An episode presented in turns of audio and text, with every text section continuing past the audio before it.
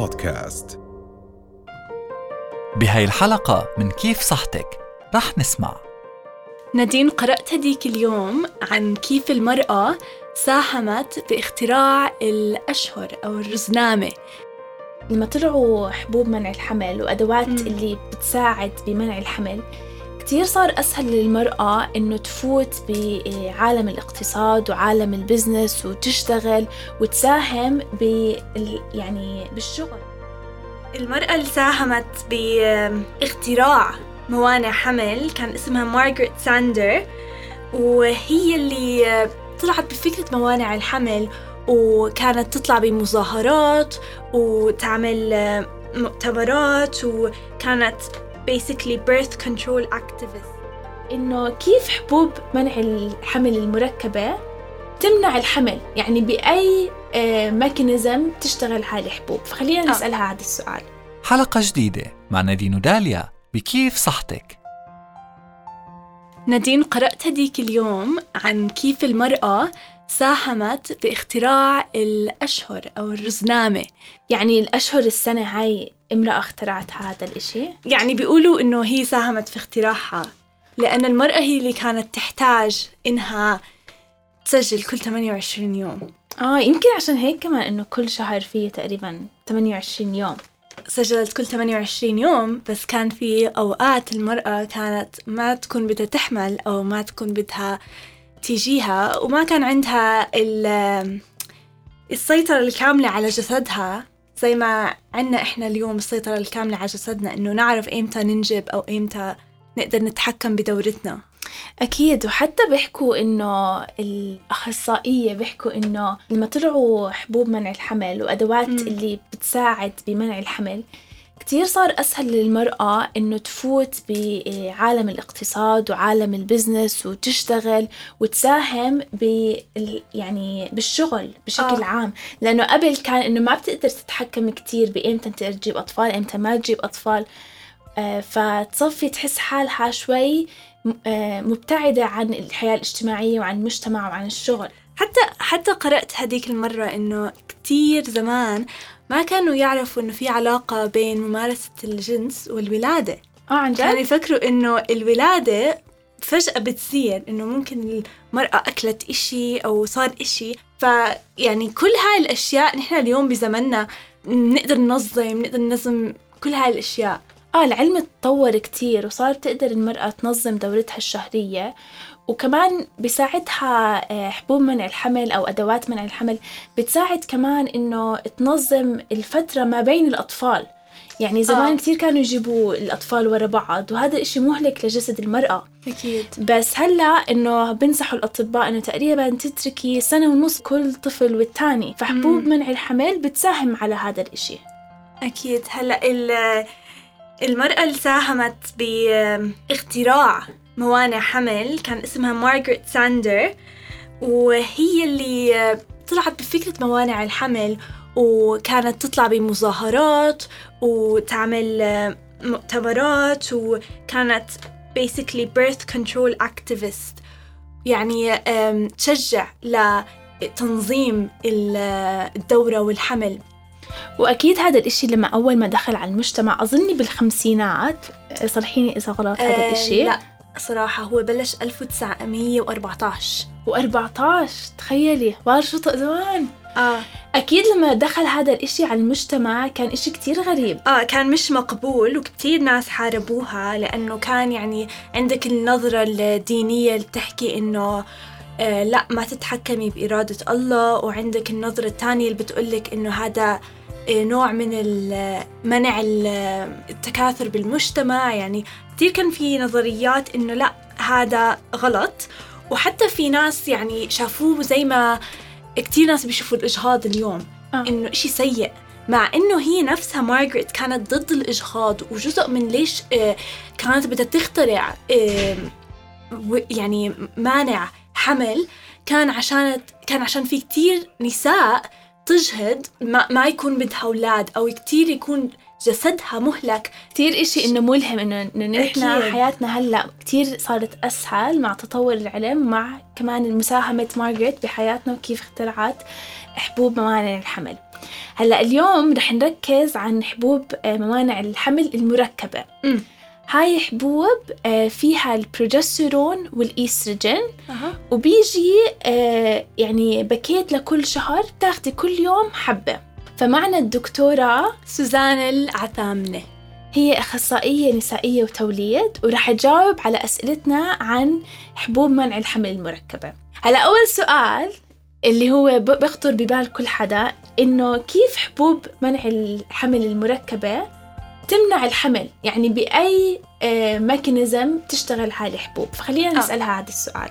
إيه، حبوب منع الحمل بتمنع الحمل عن طريق آه، ثلاث شغلات. أول إشي إنها بتمنع آه، تشكيل البويضة وحدوث إباضة. آه، تاني إشي لحبوب المنع الحمل بتشتغل على بطانة الرحم. بتصير البطانة آه، بطانة الرحم كتير رقيقة ورفيعة. فبالتالي هذا بمنع التصاق أو استقبال البويضة المخصبة. وثالث إشي إنه الحبوب بتزيد من سماكة المخاط آه، بعمق الرحم وبالتالي هذا بقلل من آه، دخول الحيوانات المنوية للرحم. يعني هم بيشتغلوا بأكثر من طريقة مش أكتر طريقة وسيلة، واحدة. آه. أكثر من وسيلة وكل هاي الوسائل الهدف ال- الرئيسي هي منع الحمل. طيب هلأ كتير في موانع حمل بالسوق يعني مش بس آه، حبوب منع الحمل آه في كتير أشياء ويعني بس الموانع الحمل اللي, على شكل حبوب آه كثرة استعمالها يعني. بس حتى أنا هديك المرة كنت عم بدور على أنواع موانع الحمل وكتير في أشياء حتى أنا ولا مرة سمعت عنها. طيب كيف هاي موانع الحمل المركبة ليه هي أحسن من موانع أخرى؟ خلينا نسمع. أوكي أو ليه ننقيها؟ آه عن ليه, أشياء تانية؟ ليه ننقيها عن أشياء تانية؟ خلينا نسمع. هلا لكل وسيلة من آه، وسائل منع الحمل آه، في سلبيات وفي إيجابيات. فإذا بدنا نحكي عن أهم الفوائد أو الإيجابيات لحبوب منع الحمل آه، الحبوب أول آه، بتكون فعالة طول فترة استخدامها. وبمجرد إنه بنوقفها ال- الجسم لوضعه الطبيعي.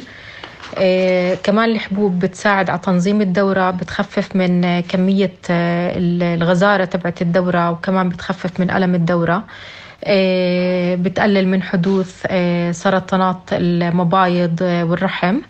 آه، كمان بحسن ممكن يخفف أو يحسن آه، الحبوب الشباب وبقلل من نمو الشعر على الجسم. وكمان بيحمي من احتمال آه، حدوث على ال- الأكياس على المبايض. يعني هي فوائدها مش بس لمنع الحمل وهاي الفوائد كلها آه هي اللي بتخلينا نستعملها لأشياء غير منع الحمل. آه يعني مثلا إذا كان في آه ست مثلا بدها مانع حمل وكمان عندها عم بيطلع حبوب شباب ممكن مثلا تستعمل هاي موانع الحمل آه.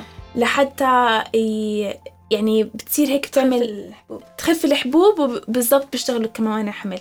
وفي كتير ناس كمان بياخدوا حبوب منع الحمل المركبة لأسباب ما دخلها بمنع الحمل. يعني زي آه، تح... آه، التحكم بالدورة. آه. أو آم، مرات بتخفف الدورة فهذا إشي ممكن يكون إيجابي للبنت. آه بالضبط. هلأ السؤال الثاني اللي نسأله.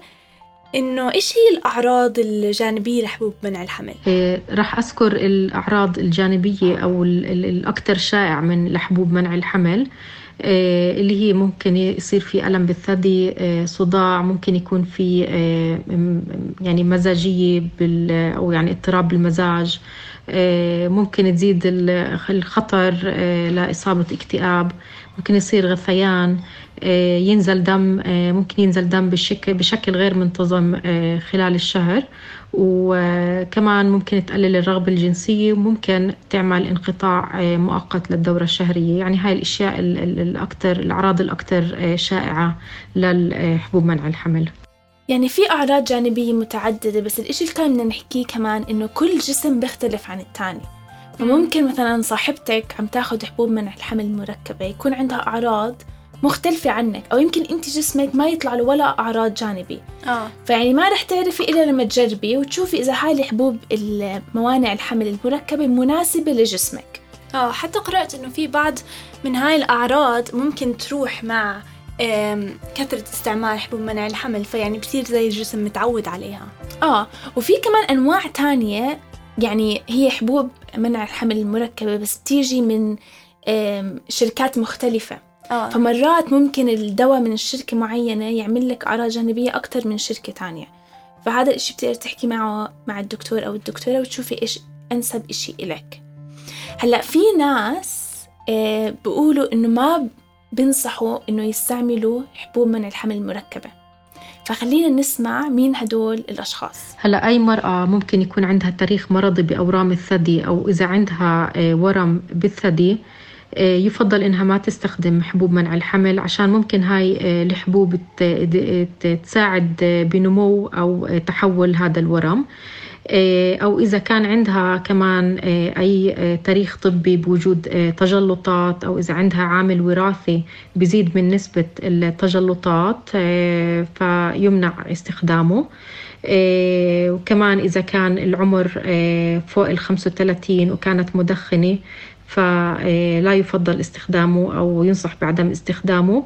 وأي مرأة بيكون عندها أي مرض مزمن وبدها تستخدم آه، حبوب منع الحمل يفضل أنه تستشير آه، الطبيب قبل استخدامه. في علاقة كتير غريبة بين الإيستروجين والتجلطات. يعني. نحن بنحكي إنه قبل انقطاع الحيض الإيستروجين بحمينا من التجلطات. وحتى ال- بس ليه يعني بعد انقطاع الحيض بزيد يعني عرفتي العلاقة ال- الشوي غريبة إنه حسب ال concentration أو التركيز تبع إيستروجين بس بالجسم بيختلف تأثيره على التجلطات. بس مثلا إذا كان عندك مثلا تجلطات بالدم آه، ما بنصحوا تاخدي حبوب آه، منع الحمل المركبة. فالإيستروجين كتير بيشتغل بشكل غريب بالجسم الإنسان. أوكي. هلا رح يكون في آه، حبوب بتكفي لشهر آه. صح؟ وكل يوم تاخدي حبة وبيكون في آه، حبوب ملونة بلون تاني هاي هاي بسموها حبوب السكر placebo placebo آه هاي بتاخديها وهاي الحبوب ما فيها لا ايستروجين ولا آه، بروجسترون هاي بس فيها سكر وبتخلي تنزل الدورة الشهرية عرفتي آه. آه. كيف؟ هلا إذا أنت ما أخذتي هاي الحبوب الملونة خلص ما رح تجيك الدورة الشهرية آه. وبس ممكن مثلا إذا فشأتي أكتر من شهر هاي الحبوب الملونة آه، ممكن يصير عندك نزيف. يعني نزيف خفيف ساعتها بتقدري تاخدي كمان الحبوب الملونة اللي هي بتعمل أكنه إنه بتخدع جسمك أكنه هلأ لازم تنزل الدورة الشهرية. أوكي. يعني حتى بيحكوا إنه الحبوب منع الحمل المركبة هي بتخدع جسمك تفكر إنه حامل. يعني ج...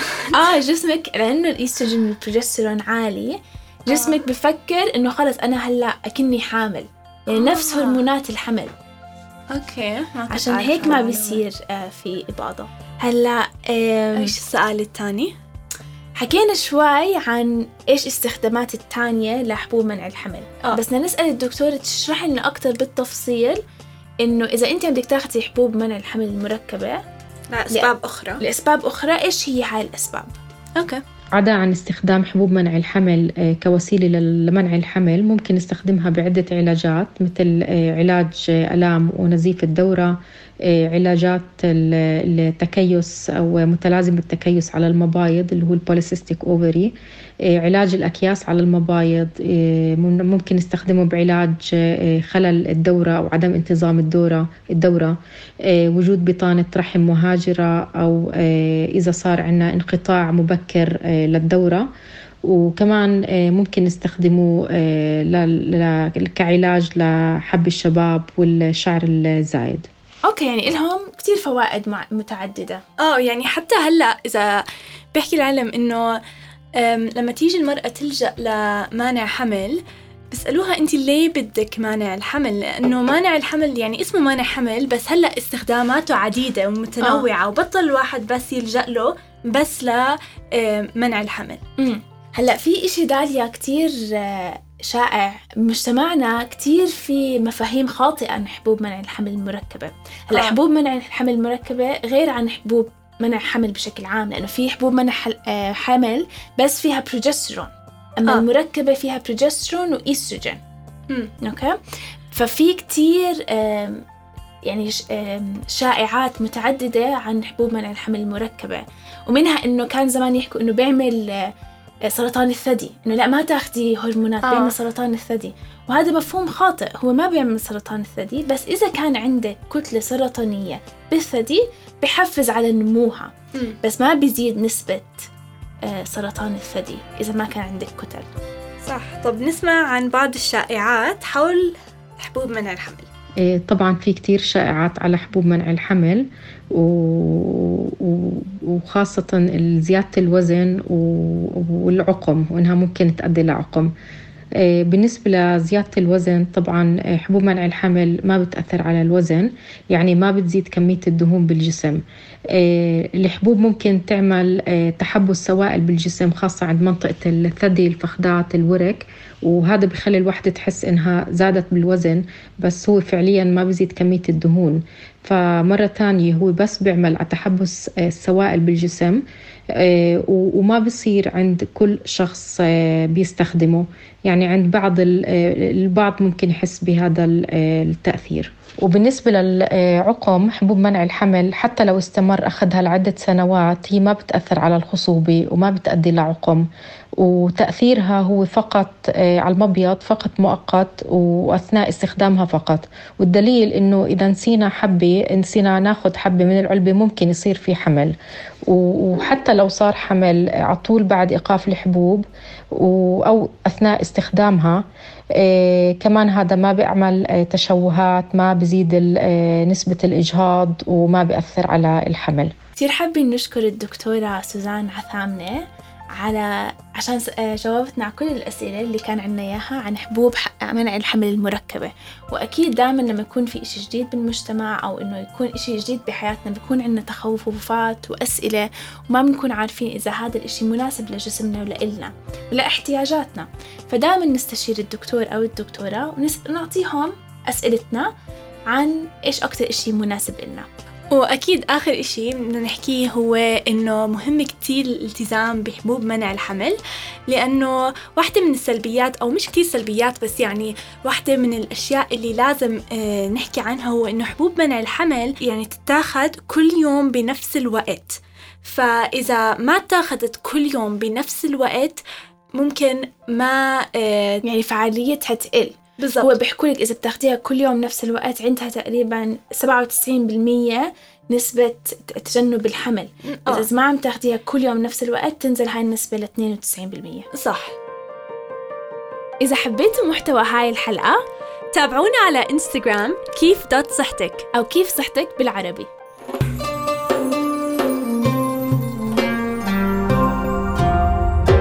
رؤيا بودكاست.